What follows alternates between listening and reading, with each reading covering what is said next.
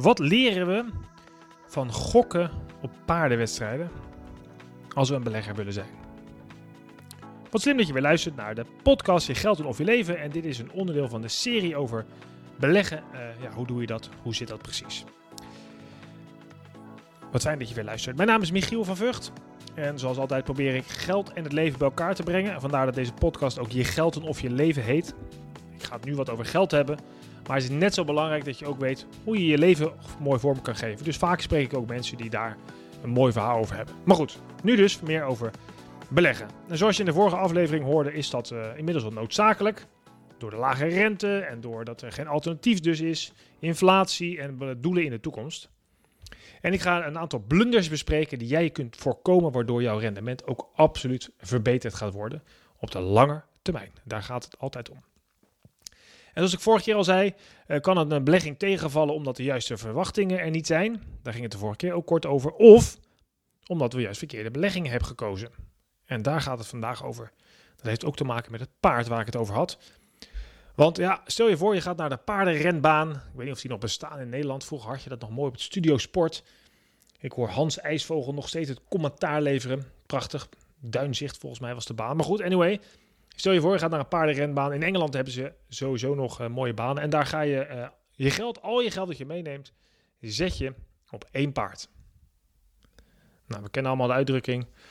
En we denken allemaal, ja, dat is toch niet helemaal slim. Want ja, het is toch een beetje ja, gokken natuurlijk. Want ja, de paard kan het pech hebben. Of uh, de andere paard heeft een betere dag. En als hij dan niet wint, jouw geselecteerde paard, dan ben je alles kwijt. Nou, je voelt hem aankomen. Maar deze metafoor is ook exact hetzelfde als het gaat om beleggen. Wanneer valt het nou heel erg tegen je resultaat is als je te veel op één paard wet. En we zijn um, nogal genegen om uh, te beleggen op misschien op dingen die we kennen, waar we wat onderzoek naar doen en denken, nou dat ken ik, dat, dat doe ik dan maar. Bijvoorbeeld, we beleggen alles in Nederland. Want we zijn tenslotte Nederlanders, dus we beleggen ons geld gewoon hier op de Nederlandse AEX. In bedrijven die we ook tegenkomen. Heineken voor het biertje. Misschien uh, Unilever, nu het nog Nederlands is. Want daar, dat doe ik wel. Daar koop ik mijn, uh, mijn pindakaas van. En uh, ik denk bij Shell, nu ook nog Nederlands overigens. want daar haal ik dus met benzine op en ik bel met KPN enzovoort. En we gaan dus heel eenzijdig naar ons eigen landje kijken, naar onze eigen beurs. Of andere be bekende en helaas ook wat treurige voorbeelden zijn bijvoorbeeld natuurlijk BP. Het grote oliebedrijf dat in april 2010 te maken kreeg met die grote olieramp in de Golf van Mexico. Stel je nou voor dat je al je geld in uh, dat bedrijf had belegd, één paard. Dan verlies je op dat moment de helft van je waarde in een maand. Nou, dat komt later wel weer goed. Het herstelt weer, weer, uh, uh, herstelt wel weer de jaren daarna. Maar je bent wel op dat moment heel veel geld kwijt. Terwijl op het moment dat je gewoon goed gespreid had belegd, dus op meerdere paarden had gewet, had je er eigenlijk helemaal niks van gemerkt. Dus het is ontzettend belangrijk om te zorgen dat je je vermogen goed spreidt. Niet alle eieren in hetzelfde mandje is zo'nzelfde voorbeeld. Zo'nzelfde metafoor. En dan denk je, ja, dit is toch een no-brainer, dat doet toch iedereen? Nou, je zal je zien, Nederlanders zijn wel koplopers volgens mij in de wereld als het gaat om uh, eenzijdig beleggen. We zijn nogal een aandelenvolkje, we doen heel veel losse aandelen. Terwijl, ja, het is heel lastig om een goede spreiding, om het risico echt te drukken, uh, om dat aan te brengen met losse aandelen. Waarom? Omdat het kostbaar is om losse aandelen aan te kopen. Je doet transacties per stuk of per aandeel. Dus als jij 100 verschillende aandelen in je portefeuille wil kopen, ja, dan ben je echt veel geld kwijt. Dus moet je vermogen significant zijn om dat ook tegen een aantrekkelijke kostenloning te kunnen doen. En dat hebben de meeste luisteraars van mij niet. Die hebben misschien wat geld over, die willen wat beleggen voor zichzelf, voor hun kinderen, voor de studie, voor uh, pensioen, noem het maar op. Ja, en die kunnen zich niet veroorloven om hele hoge kosten te maken. Dus die moeten dan toch um, of minder aandelen kopen, of je moet het goed gespreid gaan doen in een andere vorm. Um, Voorbeelden die we nog verder zijn, hè, de, om even een beetje duiding te geven eraan. Hè, de één-paard-strategie zien we ook heel erg in de crypto's. Um, het was inmiddels alweer een jaar of drie geleden, denk ik, tweeënhalf geleden, dat we massaal naar de bitcoin-achtige uh, beleggingen keken. Wat natuurlijk helemaal geen beleggingen zijn. Um, omdat dat uh, geen intrinsieke waarde heeft. Het is puur vraag en aanbod. Dus er zit helemaal geen, geen kaststroom achter. Hè. Meestal zie je het helemaal niet. Dus echt alleen maar hoop op een fantastisch iets.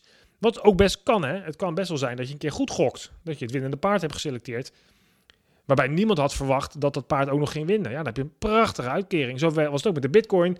Wij hebben klanten bij NNK Vermogensbeheer die, ja, Die hebben op het juiste moment die bitcoin gekocht toen die nog op, weet ik veel, 10 cent stond. Ja, toen ging die naar 1000 euro, ik noem maar iets. Ja, dan heb je natuurlijk een prachtig resultaat.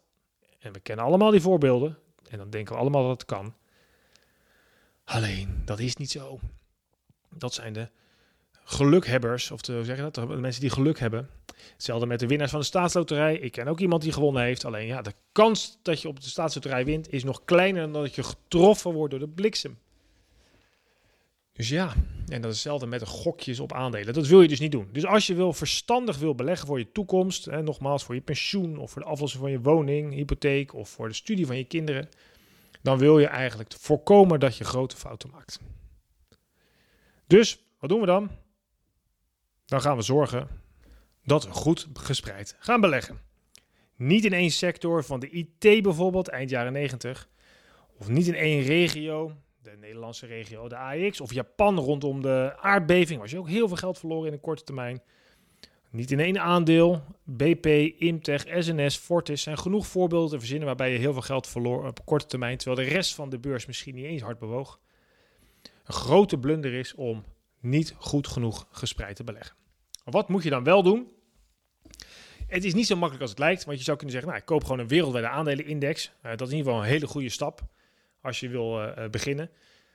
Alleen het blijkt ook nog dat als je wat gaat combineren, dus verschillende regio's en misschien verschillende sectoren op een bepaalde manier combineert, dan ga je gebruik maken van de Nobelprijswinnende theorie van professor Harry Markovich.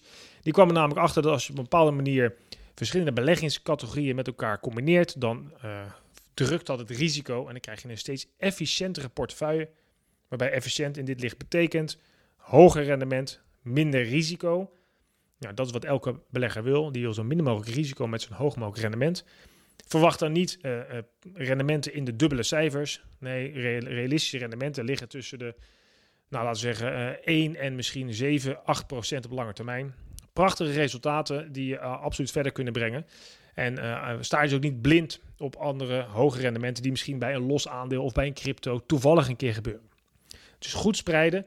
Uh, gebruik de Nobelprijswinnende theorie om het nog beter te doen. Nou, dat is vaak dus nogmaals lastig. Dus we zien dat veel mensen die denken, ik heb er eigenlijk weinig verstand van, geen zin in. Die nemen een vermogensbeheerder in dienst. Die betalen ze een klein beetje extra voor, maar daar worden ze wel uiteindelijk voor beloond door een betere portefeuille. Maar goed, wil je het zelf gaan doen? Doe dat dan met een goed gespreide wereldwijde aandelenportefeuille. En misschien met obligaties, het hangt allemaal van je horizon en je risico af. Maar pas op met te eenzijdig beleggen. Heb je hier nou meer vragen over? Dan moet je natuurlijk niks doen. Maar ik zou je dan uh, altijd aanraden: neem contact op met een professional. Je mag mij altijd vragen stellen. Dat kan via michielvanvug.com. Uh, eh, of kijk eens op een website van bijvoorbeeld nnk.nl, NNK Vermogensbeheer. Uiteindelijk is mijn doel altijd om te zorgen dat je betere keuzes maakt voor je eigen financiële toekomst en voor de mensen om je heen. Nogmaals dank voor het luisteren. En de volgende aflevering ga ik stilstaan bij het, uh, de metafoor van de klok en het horloge. Tot snel.